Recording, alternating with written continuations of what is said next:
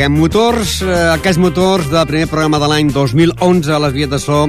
Jordi Puyo, que us parla, Ramon Argenter. I engeguem precisament aquest primer programa de l'any d'Infosport al moment en què doncs, ja s'està fent eh, la cerimònia per veure qui és el Balón d'Or, si el Xavi, si l'Iniesta o el Messi. I això també li farem aquesta, avui aquesta pregunta als entrenadors que tindrem en directe. Comencem dient que en el món de futbol, doncs, el Ripollet va perdre Manresa per 4-3. El Martorelles va perdre amb la penya partida Pajaril 1 a 3, mentre que l'equip de l'Escola Futbol Base de Ripollet va perdre el camp de la Planada per 3 a 1 que l'equip de l'Esdila i la Unió de Salut van acabar amb una empat a 3, partit que no es va acabar per instints entre els jugadors.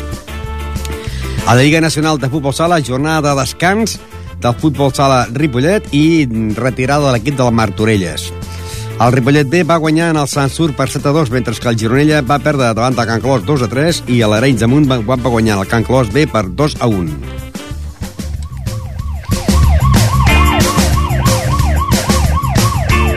Perquè fa el món del bàsquet, el Club Bàsquet Ripollet va perdre 6 punts a la pista de Sant Cugat de Vallès, 91 a 85. I també d'idèntic resultat, la Bellgasó va perdre la pista del Setmanat per 69 a 63, mentre que el món del bàsquet femení, el Llefià va guanyar de 41 punts en el Ripollet femení, 76 a 35.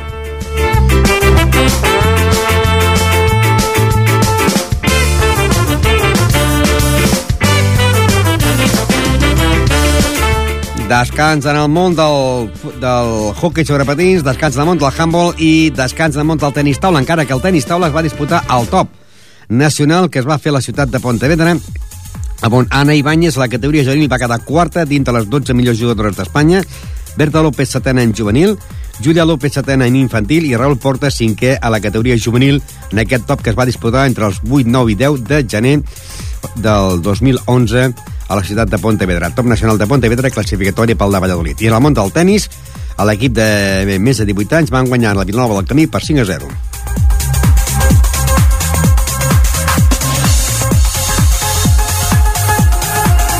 I anem ja a recordar doncs, els resultats que aquest cap de setmana es produïen a la Lliga preferent grup primer on està el Club de Futbol Ripollet, que va perdre, doncs, com dèiem, 4-3 al camp del Manresa, que ja s'ha situat tercer al Manresa. Al minut 3, Johnny posava a l'1-0 al marcador. Al minut 7, Rubén, de penal, marcava l'empat a 1. També de penal marcava l'equip, el jugador Johnny, del Manresa. I al minut 29, Cante, que va ser el verdugo, aconseguia al minut 29 el 2 a 1. En el 62 eh, venia el 3 a 1 també per Cante. En el 70, Novo posava el 3 a 2. I finalment, en el 73, Bravo empatava a 3 perquè en el, el minut 86, Cante, que va marcar 3 gols, guanyés el partit per 4 a 3.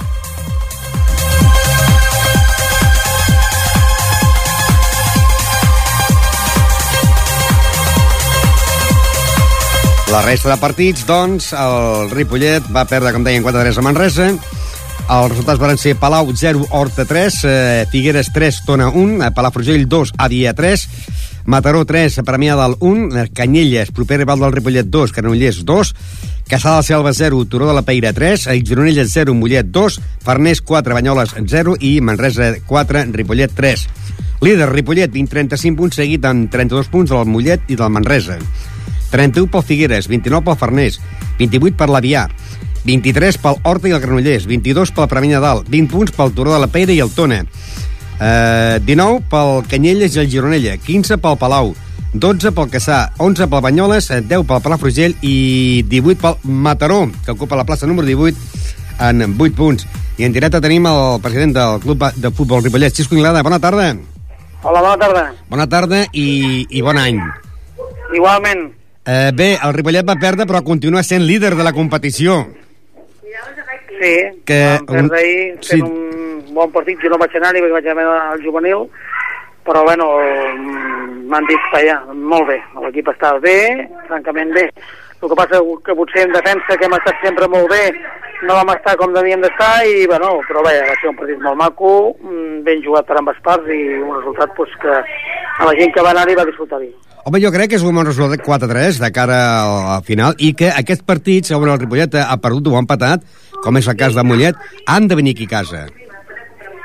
Sí, bueno, però per nosaltres jo, t'ho dic sincerament, no, no és cap avantatge.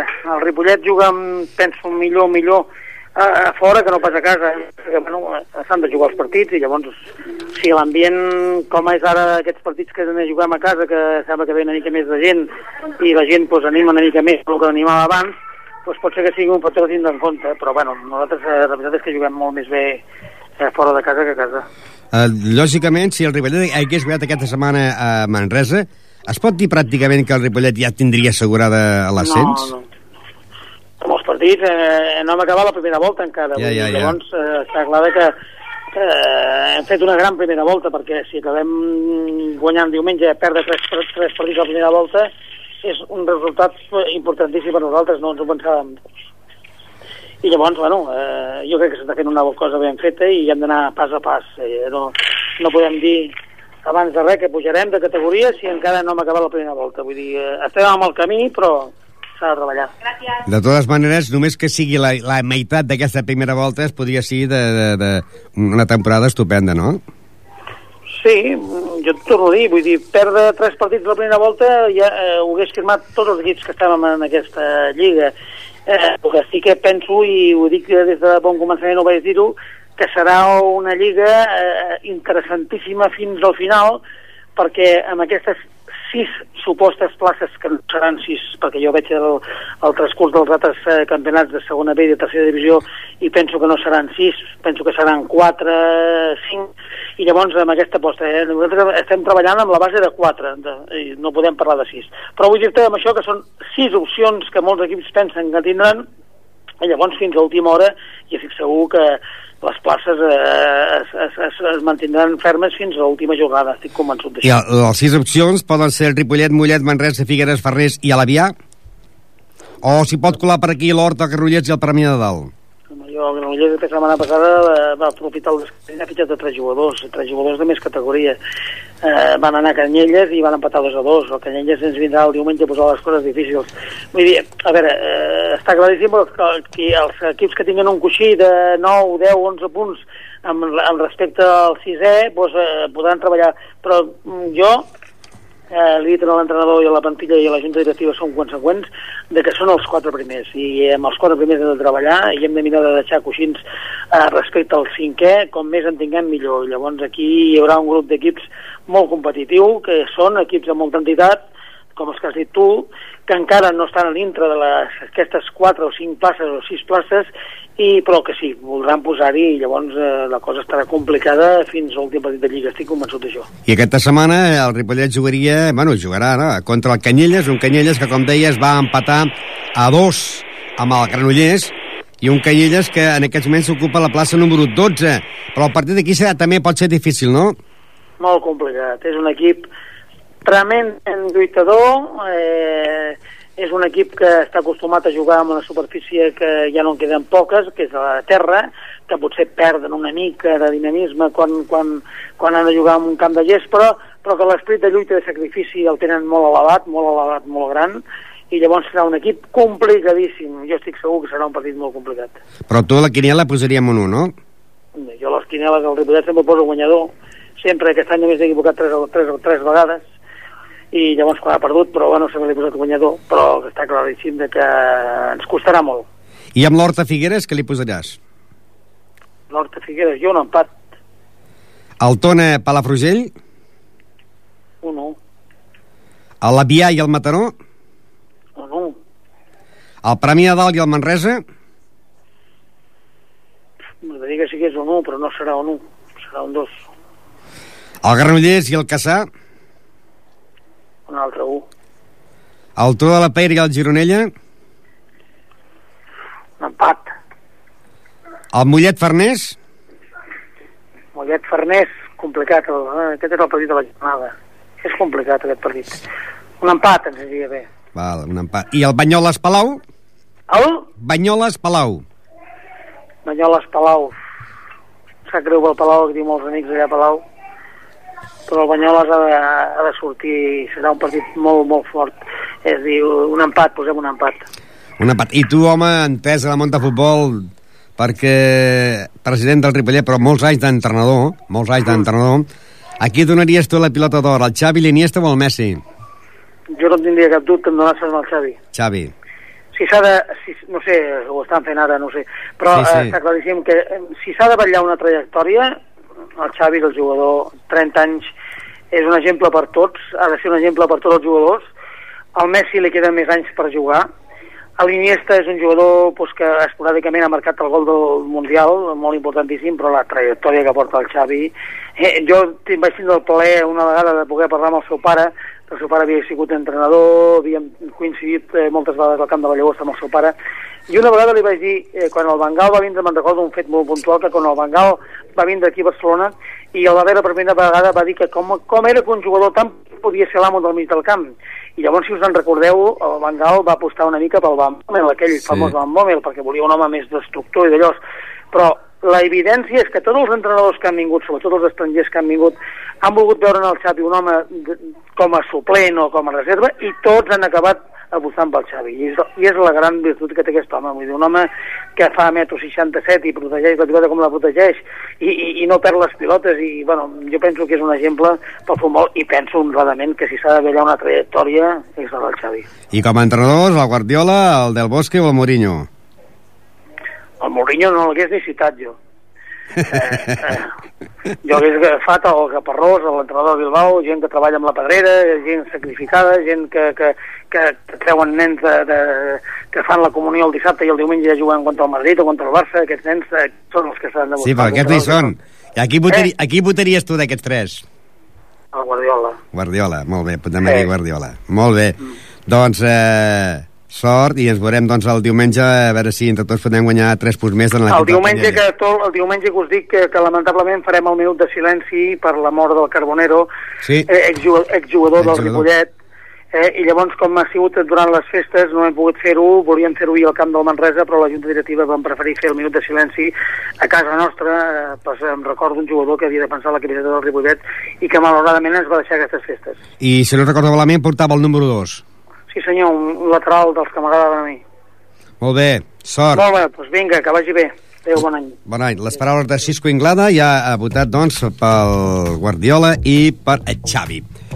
I ara, doncs, recordar que eh, la Pella Partida Pajaril va guanyar eh, 1 a 3 en el camp del Martorelles amb gols de, un de Fèlix, un de Claudio i un d'Adam i que la resta de partits varen ser Bellavista 3, la Torreta 0, Vilamajor 0, Pitres 2, a Sant Joan de Montcada 3, l'Ametlla 3, Vallès 4, Parets 1, Serranyola 0, Sabadellenca 1, Montmeló 3, Lliçà de Vall 1, Palau Tordera 1, Caradeu 3, Sant Esteve 3, Santa Eulàlia 1 i Martorelles 1, Ripollet, ai, Penya Partida Bajaril 3 en gols de Fèlix, de Claudio i Adam. Líder Bellavista, 36 punts seguit a Lliçà de Vall, 34. Sabadellenca, 33. Serranyola, eh, 30. Els mateixos que la Torreta. Montmeló, 28, Cardeu, 26, Santa Eulàlia, 25, la Penya Partida Pajaril està allà al número 9 amb 22, amb 21 punts la Vilamajor, l'Aleti Pallés 19, l'Ametlla i Sant Joan de Montcada 18, Sant Esteve 16, Pitres 15, Palau Tordera 14 i tanquen el lloc, eh, el lloc número 17, el Martorelles amb 9 i el Parets amb 7. Una penya, doncs, que aquest cap de setmana eh, té un partit molt important, perquè jugarien Penya Deportiva Pajaril i a l'equip del Serranyola, un Serranyola que aquesta setmana doncs eh, va perdre casa davant del Sabadellenca 0-1 amb una penya que va guanyar 1-3 dir que la Pella Partida Pajaril està en aquesta segona categoria territorial, en el grup número 9, que tenim quatre representants, el Ripollet, que està al grup primer de la categoria preferent, la Pella Partida Pajaril, que està al grup número 9 de la segona territorial, i llavors dos equips que estan al grup número 15 de la tercera territorial, com són a l'Escola Futbol Base de Ripollet i a l'equip de l'Estila, que aquesta setmana doncs, van perdre, un va perdre, eh, l'altre va empatar. I tenim ja en directe a José Antonio Torres. Buenas tardes. Hola, buenas tardes, Ramón. Bueno, buen año. Igualmente. Y sobre todo buen resultado, ¿no? 1 a 3 en el campo de los Martorellas. Sí, la verdad es que es un, un muy buen resultado para empezar el año. Eh, con goles de Félix, de Claudio y de Adam. Sí. La Peña con ese tres puntos se ha situado en el puesto número 9 con 22 puntos, pero está muy lejos, ¿no? De un Bellavista que tiene 36 o un Isadaval que tiene 34. Sí, bueno, pero esto ya de principio de temporada era un... El, eh, teníamos que ir entre los 12 primeros, que era lo, lo que se tenía que hacer porque tampoco nosotros aspirábamos con el equipo en principio a, a estar arriba. De todas maneras, eh, hay que intentar llegar más arriba de todo por, por mantener la categoría, ¿no? Sí, ese, eso es en principio el objetivo que tenemos. En principio digo yo que ahora mismo estaremos a, no sé si a cinco puntos de descenso, que serían los seis últimos, o algo así, no sé cómo estaremos exactamente. Porque Ah, no mira, pues eh, la Peña tiene 22 puntos, entonces tú dices que serían los seis últimos. Sí, el Eh, pues eh, San Joan de Moncada eh, sería el, el que hace 6 por la parte de abajo, con 18 puntos. O sea, cinco puntos. Luego está San Esteban cuatro 16, eh, Pitres 15, Palautotera 14, Martorellas 9 y Pared 7. Vale, O pues sea que tenemos prácticamente en esta zona de ascenso incluso podríamos decir que se- incluso se encuentra la Cardeu, que es séptimo con 26 puntos. Sí, claro, es que vemos unos cuantos equipos ahí que nos la jugamos muchos equipos, porque prácticamente podemos haber entre de los 18, como aquel que dice, por lo menos dos- unos mm, 12 equipos que están metidos ahí. Como mucho habrá seis que se habrán escapado un poco. ¿Y ves tú, Ben campeón, el, el Bellavista? Yo no veo al campeón villarista, o sea, ya te dije en su momento que le había visto un buen equipo. Yo veo más, más al Gisá o al Sardañola que no al, a- al, al Bellavista. Porque Por- el Cardereo me ha decepcionado, porque empezó muy bien. Y el Mataló, el, el Momeló que empezó goleando, goleando a vosotros y luego ha quedado aquí ya en el puesto número 6 con 28 puntos. Sí, no, no, estamos lejos de nosotros y ahora nos enfrentamos al Sardañola y después al Mumelot otra vez. Él empezó ganándonos 2 a 1 en su casa. Pero bueno, a ver, Y esta semana, pues eh, tal como decías, eh, recibís la visita de el Sarrañola, Sarrañola, el equipo B, que esta semana ha perdido 0-1 en su campo contra el Sabadellenca. Sí, en cada otro de los equipos que está arriba, que también es de los fuertes, sí. Que son esos cinco equipos más o menos los que van a, a estar peleando arriba. Cinco me parece que son los equipos que pelean arriba, ¿no? Si no me equivoco. ¿Tú ya lo has visto, Sarrañola?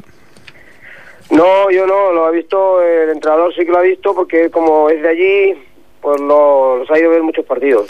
Un Sarrañola que está en el puesto número 4 con 30 puntos. Bellavista 36, Diesadaval 34, Sabadellenca 33 y Sardañola B 30 y La Torreta 30 puntos. Que los cinco equipos que he dicho que más o menos son los que más eh, se han escapado, ¿no?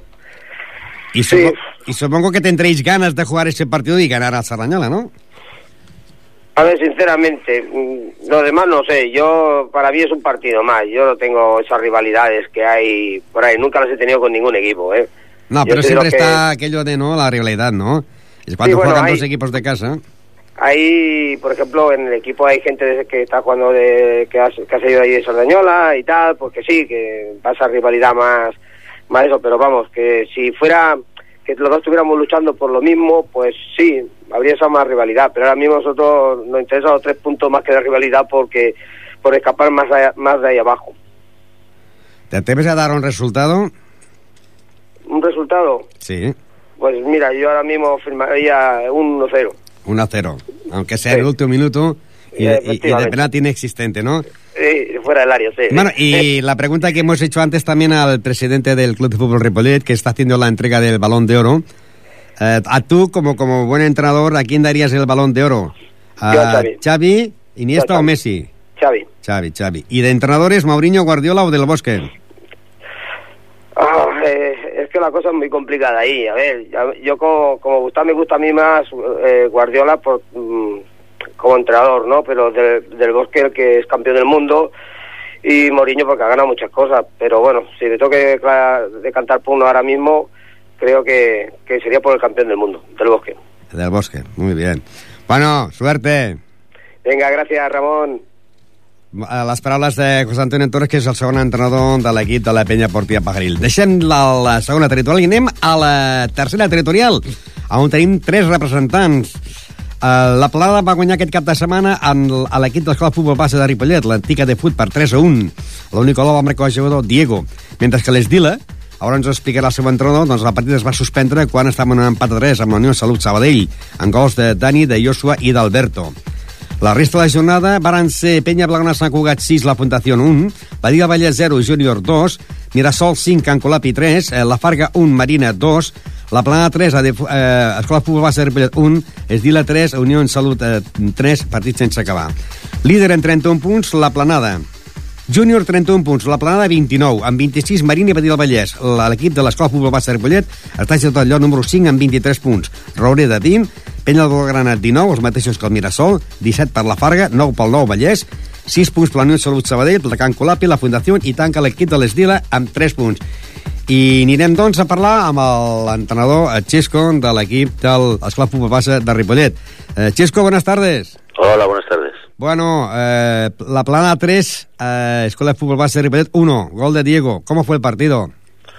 Pues el partido, a ver, juguemos bien, no juguemos mal. Lo que ocurre es que fuera de casa, en los partidos estos importantes, cuando no es por que no tenemos acierto de cara a portería, llega un señor de negro y toma algún tipo de decisión que nos perjudica y cuando no es por una cosa es por otra, pero no acabamos de dar el pequeño empujón para ganar fuera de casa. en ¿Qué este pasa? ¿Que, que la gente conoce a la Escuela de Fútbol Ripollet como la antigua de fútbol, pero todavía no lo conoce bien? Porque, claro, ha estado dos temporadas, esta es la segunda temporada, ¿no? Sí, yo creo que sobre todo es que los arbitrajes en Sabadell, los árbitros son de Sabadell, no nos conocen, conocen más a los equipos de allí y, y bueno, no sé, no creo que sea deliberadamente, pero bueno, son un poco caseros y ayer es que nos anularon dos goles, nos anulan dos goles, aparte de nosotros también fallamos ocasiones claras, pero nos anulan dos goles, un jugador dormido se va con una brecha en la cabeza al taulí y no le sacan ni tarjeta amarilla al contrario. Entonces pasan todo este tipo de cosas y claro, acabó el partido y mis jugadores pues se decepcionan, se decepcionan porque ve que el día del Badía vamos fuera, también vamos ganando 1-0, nos pitan dos penaltis, Siempre con los Claro. equipos de Sabadell, ¿eh? En la parte de Sabadell. Sí, de la parte de Sabadell.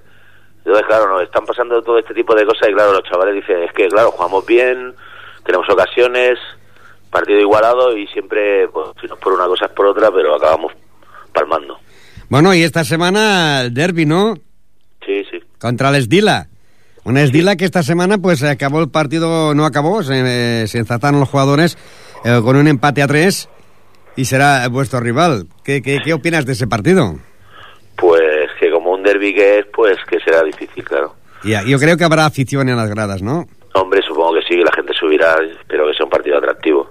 Ellos han mejorado mucho, son un equipo difícil y, y, el y los puntos que tienen realmente no, no, no demuestran la calidad que tiene el equipo. Yo creo que va a ser un partido complicado. Aparte, ya sabes que los derbis siempre la gente da el, no el 100%, el 200%, ¿no? Ahora, incluso aún perdiendo ese partido, mantendríais eh, el puesto número 5. Buen, buen, buen, buen puesto, ¿no? Sí, por el coladeras con el Roreda, pero el Roreda viene por atrás apretando. Sí. Aparte, nosotros, a ver, Ramón, nosotros ahora jugamos esta semana en casa, pero luego, como empecemos con tres partidos fuera, Es verdad. Luego jugamos. La primera vuelta que lo jugasteis partidos. todos tres, y hubo aquel cambio de la presentación y, Sí, claro, sí. tres partidos seguidos fuera. Ahora tenemos cuatro partidos, ¿no? Entonces nos hemos puesto como objetivo no mirar la clasificación hasta que pasen esos cuatro partidos. Yo y los jugadores hablemos que independientemente de lo que pasara el partido de, de- de la planada, porque sabíamos que puede pasar cualquier cosa, que ahora nos venían cuatro partidos en casa, que iríamos partido a partido y que no miremos la clasificación hasta que pasen esos cuatro partidos, a ver si somos capaces. ¿Y quién ves como primero, el Junior o la Planada? Como Mm, campeón, por ejemplo. Ganó el Junior, ¿no? En Campo Badía. Sí, eh, Junior, Junior, Junior, Junior, vamos a ver el resultado. El Junior ganó 0-2, sí. Hombre, el Junior si no afloja ha cogido una pequeña ventaja y el Badía tiene, el- la planada tiene que ir a campo del Junior. Yo creo que todavía quedan puntos difíciles por, por jugar y hay equipos ahí que pueden dar mucha guerra. La, la Marina ganó, ¿no? También a la Farga. La Marina, la Marina, Marina, Marina, Marina ganó 1-2 a la Farga. Mira, Sí. es un empate, no se hubiera venido ahí muy bien. Pero Ahora bueno, Tenéis el Rueda con 20 puntos y vosotros con 23. Sí, claro. Bueno, y ¿sabes que se está haciendo en estos, estos momentos eh, la entrega del Balón de Oro? Tú como sí, lo estoy entrenador, por te- lo estoy viendo por ¿a, televisión. ¿a quién darías el Balón de Oro tú? Yo a Xavi. Xavi. Pues va ganando 3-0, ¿eh? ¿Y de entrenadores? De entrenadores se lo daría a Guardiola. A Guardiola. No soy culé, ¿eh? No, no, y lo sé, lo sé. Pero eres un buen entrenador. Bueno, se hace lo que se puede, ¿Eh? Ramón. No, y así, con eso se nota. Bueno, pues suerte i nos vemos en el derbi. Venga, gracias, Ramon. Les paraules de Xesco. Doncs bé, va guanyant... No sé, ho estan fent, ho estic mirant, tinc la televisió aquí, però tinc el, tinc el mutis i no sé qui guanya ni qui perd. I de moment, doncs, porta Xavi, 3 vots, eh, Guardiola en porta dos i Del Bosque en porta un. I ens queda un, un altre entrenador, que és el Rubén Marín, de la de Foot, ai, perdó, de l'Esdila, que ens dirà, doncs, eh, a veure què va passar amb aquest empat a 3 davant de la Unió Salut Sabadell, en gols de Dani, de Joshua i Alberto, i també eh, el partit que han de jugar aquest cap de setmana contra l'equip d'Escola Futbol Base de Ripollet, perquè aquesta setmana hi ha el derbi.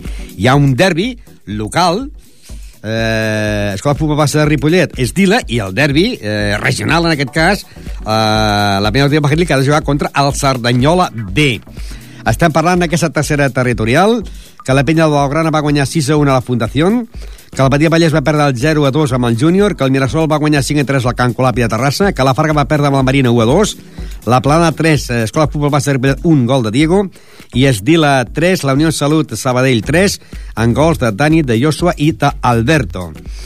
Líder, com dèiem, el Júnior amb 31 punts. Eh, Rubén Marín, buenas tardes. Buenas tardes. Bueno, esta semana 3 a 3 y partido suspendido.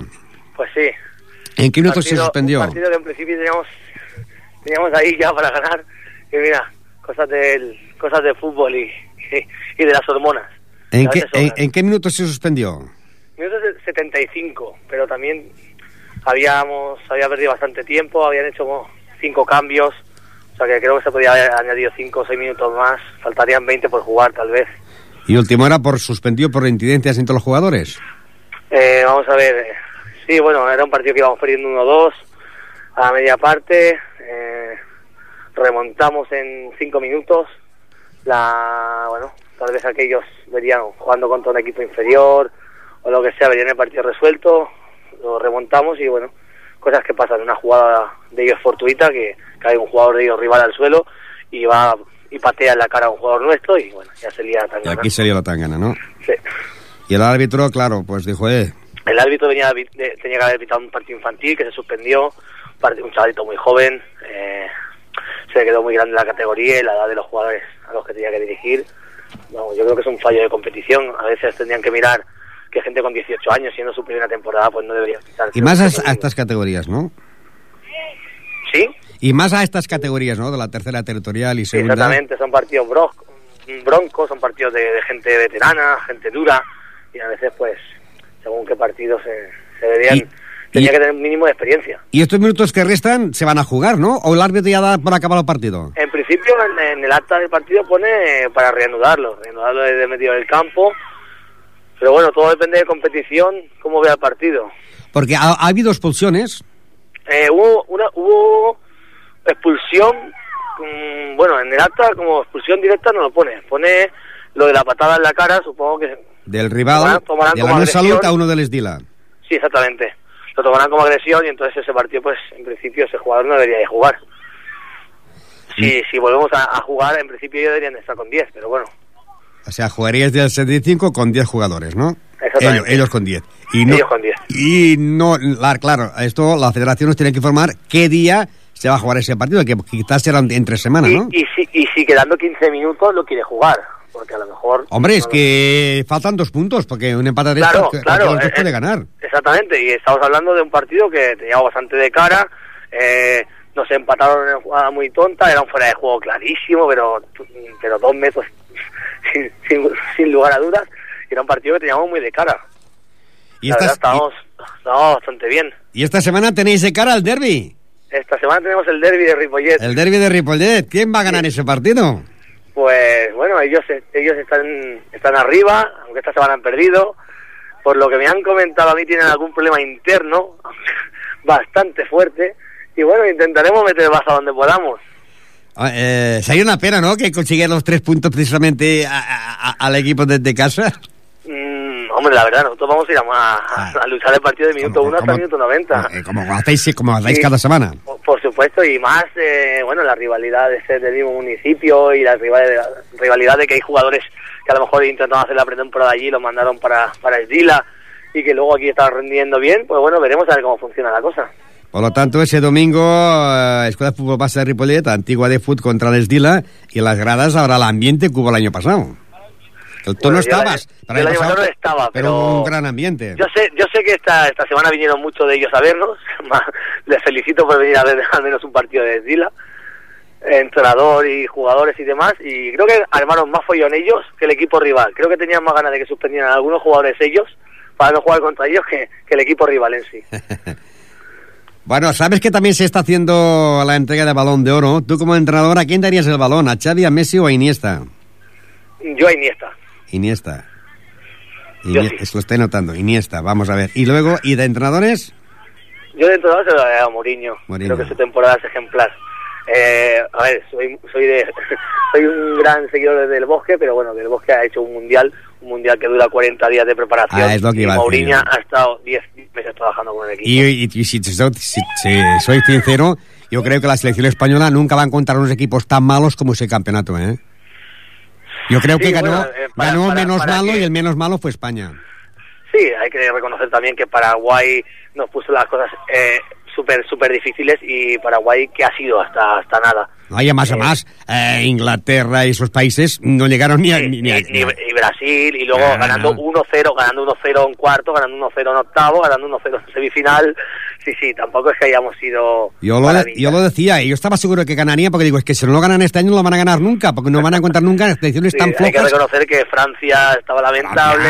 Ah, y- Italia, que, que Italia tuvieron que ir a. Zambrota y Canavaro, a- a- ¿no me entiendes? Para mí, y digo, es la, la oportunidad de ganar este año, si no, no lo van a ganar nunca. Sí, sí, y ahora ya que los demás partidos y equipos ya se han reforzado, nos han metido ya ocho goles, 4-0 y 4-0. Sí, la verdad que, o- O sea que- Bueno, también hay que decir que cuando uno no compite. Sí, sí. eh, y, y el primer partido además era en pretemporada, cuando estando aquí en España y pilla Argentina, que nos tenía ganas. y Bueno, ahora todo el mundo irá a muerte con nosotros. Claro, claro, a ganar al campeón de Europa y al campeón de... Sí. Bueno, pues tenemos aquí, eh, eh, eh, gana Xavi por eso, ¿eh? Porque eh, Xavi la- ha, ha votado pues el, el presidente del Ripollet, que más Sí. o más también es entrenador, el Sí. segundo entrenador de la Peña Deportiva Pajaril, Chesco, del, de la Escuela de Fútbol, y tú. Sí. Y Sí. pues ha ganado aquí en, la- en Infosport Xavi por 3 a, 3 a 1 frente a Iniesta. Y cero Messi. Vaya. Y luego ha, ha ganado Guardiola con dos puntos, Mourinho con uno y Del Bosque con uno. Por lo Bueno. tanto, damos el balón de oro nosotros aquí a Xavi. Ahora veremos la tele a quién se lo dará. Bueno, la... sobre, sobre gustos colores. De acuerdo. Ah, Bueno, gra- supongo que nos veremos el domingo en el en el- campo, ¿no? sí, sí, en el, por allí. sí, sí, sí, en el derby nos veremos. Bueno, supo- espero que sea reñido, que sea bonito y que disfrute de un buen partido de fútbol. Gràcies. Hasta luego. Les paraules de Rubén Marín, que és l'entrenador de l'equip del Estila. Anem amb futbol sala, perquè el Ripollet no va jugar de futbol sala, no va jugar, va jugar bé perquè hi ha jornada de descans. El Ripollet B va guanyar 7 a 2 a l'equip del Sansur amb 3 gols de Cristian, eh, eh, un de Sergio Sánchez, un, dos de Marc Álvarez i un de, de Gomar.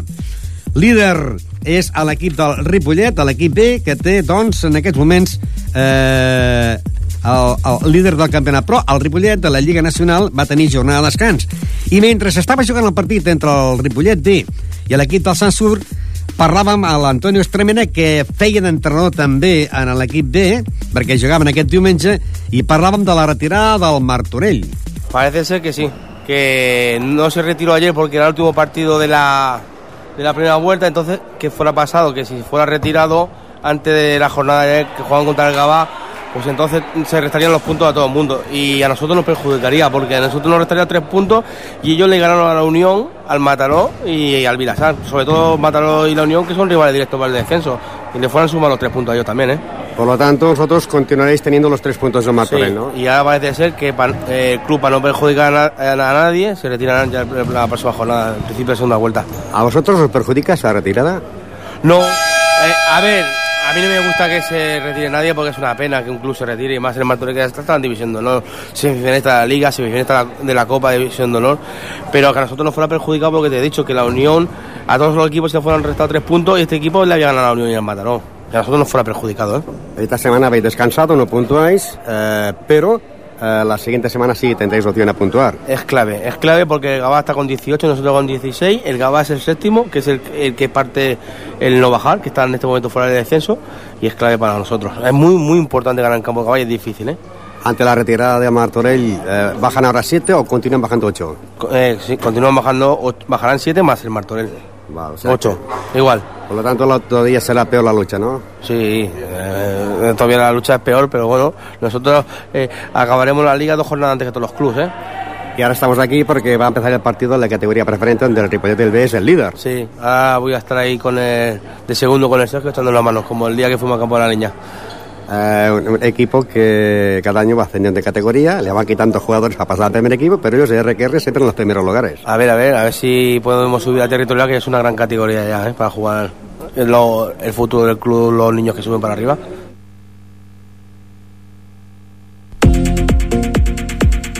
Doncs bé, uh, aquest era l'Antonio Estremera. Aquesta setmana, els resultats que es van produir, doncs uh, el Ripollet tenia, com dèiem, jornada de descans. La setmana que ve jugarà a Gavà. Mataró 4, Vilassar de Mar 4, Esplugues 11, Caldià 3, Sant Cugat 1, Santa Coloma 7, Bàrnica 2, Escola Pia 4, Natació Sabadell 4, Hospitalet 5, La Unió 0, a Premi de Mar 1, Gavà 6, Martorell 0, i ara s'ha retirat de la competició i Ripollet que tenia jornada de descans. Líder, Esplugues, 40 punts, seguit de l'Hospitalet en 35, Escola Pia 26, Bàrmica 23, Premià de Mar 22, Vilassar de Mar 21, La Unió 18, i baixarien Gavà amb 18 punts, Sabadell amb 16, Caldià amb 16, Ripollet amb 16, Santa Coloma amb 13, Sant Cugat i Mataró amb 10 i el, el Martorell amb 9 punts, que ja s'ha retirat.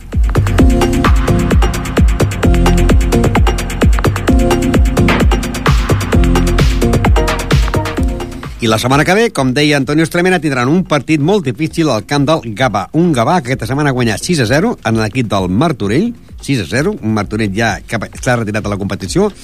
El que passa que quan acaba la primera volta, doncs tots tindran els 3 punts que hagin guanyat el Martorell. Si hagués sigut, si haguessin acabat abans, doncs no tindrien aquests 3 punts. I el Ripollet com deien, va guanyar en l'equip del Sansur per 7 a 2 amb 3 gols de Cristian, eh, un de Sergio Sánchez, eh, dos de Marc Álvarez i un de Diego de Gomar. Líder, Ripollet té 27 punts, seguit del Castellà amb 24, Cervelló, eh, Alella 23 i Cervelló 21. I per la part baixa tenim el Bruc amb 6 i l'Sporting Prat amb un punt. La setmana que ve l'equip del Ripollet, l'equip B, doncs jugarà eh, contra l'equip del Sant Coler. El Sant Coler ocupa aquesta setmana el lloc número 13 en 8 punts. I també es van jugar els partits corresponents a la categoria de futbol sala divisió de plata, a on l'equip del Can Clos va guanyant a la pista del Gironella per 2 a 3 amb un gol de l'Ali, un gol de Júlia i un gol de Maria Ángeles. Líder, Sant Cugat, 25 punts, seguit amb 21 punts de Vilassar de Mar i 19 punts per les Corts. L'equip del Can Clos està situat en el lloc número 7 amb 12 punts.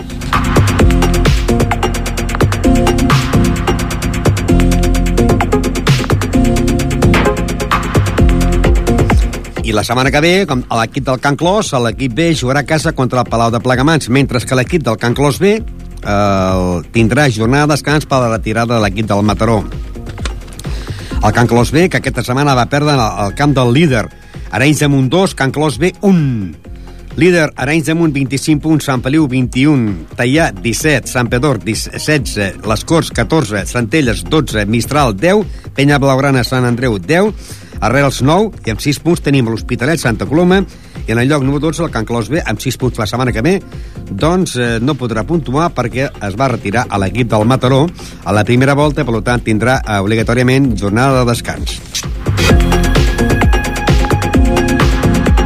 Aquesta setmana doncs, no hi ha hagut a hockey, no hi ha hagut hockey perquè encara estan a les vacances de Nadal, doncs el hockey ha tingut jornada de descans, no el Ripollet sol, sinó tot el grup, i el primer partit de l'any 2011, costa dir 2011, doncs serà eh, aquesta setmana, que ja serà a la pista del Arenys de Mar. Dissabte a partir de les 9, Arenys de Mar, Ripollet. Un Ripollet que està en el lloc número 7 amb 17 punts i un Arenys de Mar que ocupa la plaça número 5 amb 17 punts.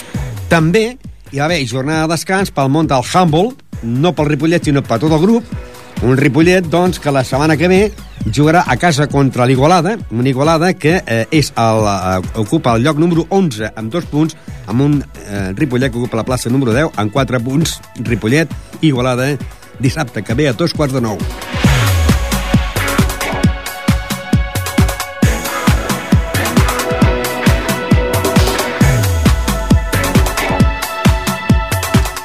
I també va haver jornada de descans pel món del tenis taula, eh, tenis taula lligues nacionals. L'únic que es van jugar van ser eh, el top nacional que es va disputar a la ciutat de Pontevedra, eh, on hi van els millors 12 jugadors del país per veure si aguanten el rànquing i la categoria. el top nacional de Pontevedra classificatori pel proper top que es farà a la ciutat de Valladolid. Va ser entre el divendres, dissabte i diumenge. Per part del Club Tenis Taula Ripollet, doncs, Ani Báñez va quedar quarta en la categoria juvenils, Berta López setena en categoria juvenils, Raúl Porta cinquè en categoria juvenil i Júlia López eh, setena en la categoria infantil. Aquests eh, jugadors del Club Tenis Taula Ripollet estan classificats doncs, per anar al top que es farà a Valladolid. Eh, la setmana que ve sí hi haurà Lliga de Divisió d'Honor i el Finca Ripollet jugarà contra el Bàscara de Girona, un Finca Ripollet que en aquests moments a la Divisió d'Honor és quart a la Lliga amb 10 punts i un Bàscara de Girona que és setè amb 8 punts. I també hi haurà partit entre el Balaguer i el Finca Ripollet a la primera nacional femenina, el Finca Ripollet de la primera nacional femenina és tercer amb 10 punts i el Balaguer és el segon amb 12 punts. I també hi haurà Lliga de la Lliga Nacional masculina entre el Ripollet Verdolai i el Sallent, i que el Ripollet Verdolai és el líder de la competició, és líder amb 12 punts i el Sallent és eh, vuitè classificat i només té una victòria. Això serà per la propera setmana.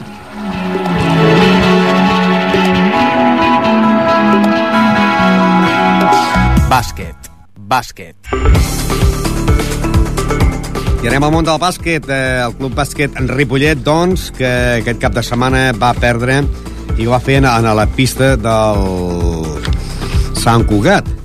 Va perdre, el result, va perdre i hem de dir que eh, el resultat va ser de Sant Cugat 91, Club Bàsquet Ripollet 85. Els primers resultats van ser Can Torreta, que és el proper rival del Ripollet, Can Torreta 77, Esferi Terrassa 57, Gavà 96, Morell 60, Salou 52, Sant Jordi 92, Tarragona 74, Esparreguera 54, Cerdanyola 55, Sant Boi 65, eh, Valls 68, eh, la Salle Reus 73 i la parròquia Vilanova i la Geltrú 79, Sabadell 75 i Sant Cugat eh, 91, Ripollet 85. Líder, la Salle Reus amb 28 punts, amb 24 punts Sant Jordi, amb 23 punts tenim doncs quatre equips que són el Sabadell, l'Esparguera, el Valls i el Tarragona. Amb 22 punts, el Cantorreta, el Club Bàsquet Ribes Cantorreta, proper rival del Club Bàsquet Ripollet. Amb 21 punts el Gavà, amb 21 punts també l'Esfèria de Rassa, amb 21 punts el Sant Boi, amb 20 punts el Sant Cugat, amb 19 el Serranyola, amb 18 el Salou, amb 17 el, Sant, el Vilanova i la Geltrú i el Morell, i tanquen el lloc número 16 el Ripollet amb 16 punts. I en el lloc número 16. En aquests moments baixarien Ripollet i Morell baixarien automàticament i promocionarien per la permanència a l'equip del Vilanova, la Geltrú, el Salou, el Saranyola i el Sant Cugat del Vallès. La propera setmana el Club Bàsquet Ripollet jugarà a casa contra el Club Bàsquet Ribes Cantorreta. El Club Bàsquet Ribes Cantorreta aquesta setmana va guanyar en l'Esferi de Terrassa per 77 a 57 i el Club Bàsquet Ribes Cantorreta ocupa la plaça número 7 amb 22 punts. Serà el proper rival del Club Bàsquet Ripollet. Pel que fa al món del bàsquet tercera territorial, doncs aquest any el Gasó, bueno, aquest any, aquesta temporada el Club Bàsquet Gasó, la Vall Gasó, no està fent un bon paper i aquesta setmana va tornar a perdre en la pista del Semanat per 69 a 63. La resta de partits van ser el de la Salle 70, Esparguera 65, Cervelló 43, eh, Odena 58, Nou Badia 85, eh, Santa Perpètua 38, Camparellada, proper rival del Gasó, 60, 61, Martorelles 95, eh, Sant Vicenç 55, Col·legi Cultural 72 i Montigalà Badalona 51, Regina Cremeli 67. El líder, amb 24 punts, 3 equips, l'Aldir La Salle de Montcada, el Maturelles i el Nou Badia. Amb 22 punts, dos equips, el Col·legi Cultural i l'Esparreguera. Amb 20 punts, el Sant Vicenç. Amb 19, el Regina Carmeli. Amb 18, el, el Camparellada. El Lavell Gasó està situat en lloc número 9 amb 17 punts. Els mateixos que el Pallejà, Sant Manat i el Club Bàsquet Òdena. En 16 punts, el Sant Lleí.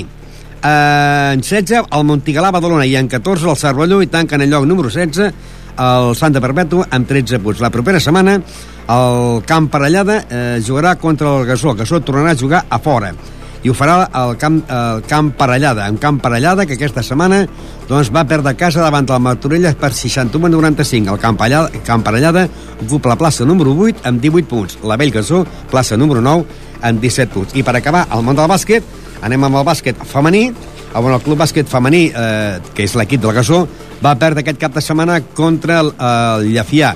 Llafià 76, club bàsquet femení Ripollet 34. Líder, el Collblanc la Torrassa amb 24 punts, seguit del Cornellà amb 23. Amb 22 punts per Llafià i el Sama. Amb 21, Sant Just. Amb 20 punts, el Sant Nicolau i els Roquetes. Amb 19, el Bàsquet Pretenc. Amb 16 punts, el Matadepera i el Castellbisbal.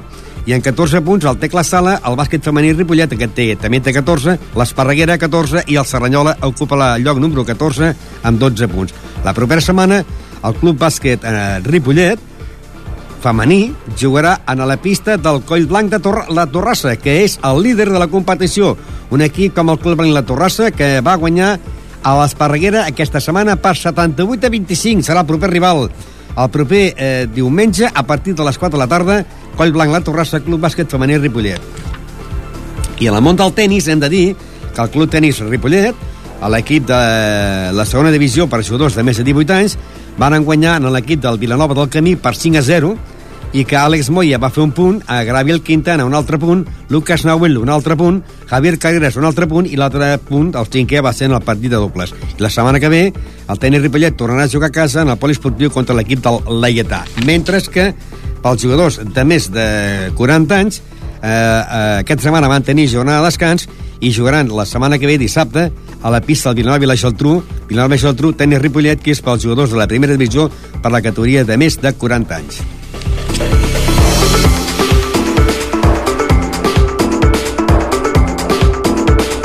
Atletisme. Atletisme. I aquesta setmana, doncs, a plat fora ha sigut el món de l'atletisme, eh, que l'equip del Ripollet d'Unió Atlètica doncs, va organitzar un total de 12 carreres, 12 curses, començant per la categoria cadet masculí, que era dels nascuts entre els anys 96 i 97, eh, que feien un recorregut de 5.100 quilòmetres. Era la primera. La segona era la categoria cadet femení, eh, 3.100 quilòmetres. La tercera cursa era la categoria infantil masculí, eh, de 2.700 quilòmetres. Eh, perdó, metres. Eh, llavors, la categoria infantil femení, eh, 1.600. Categoria Leví eh, masculí, 2.300. A la categoria Leví femení, 1.200.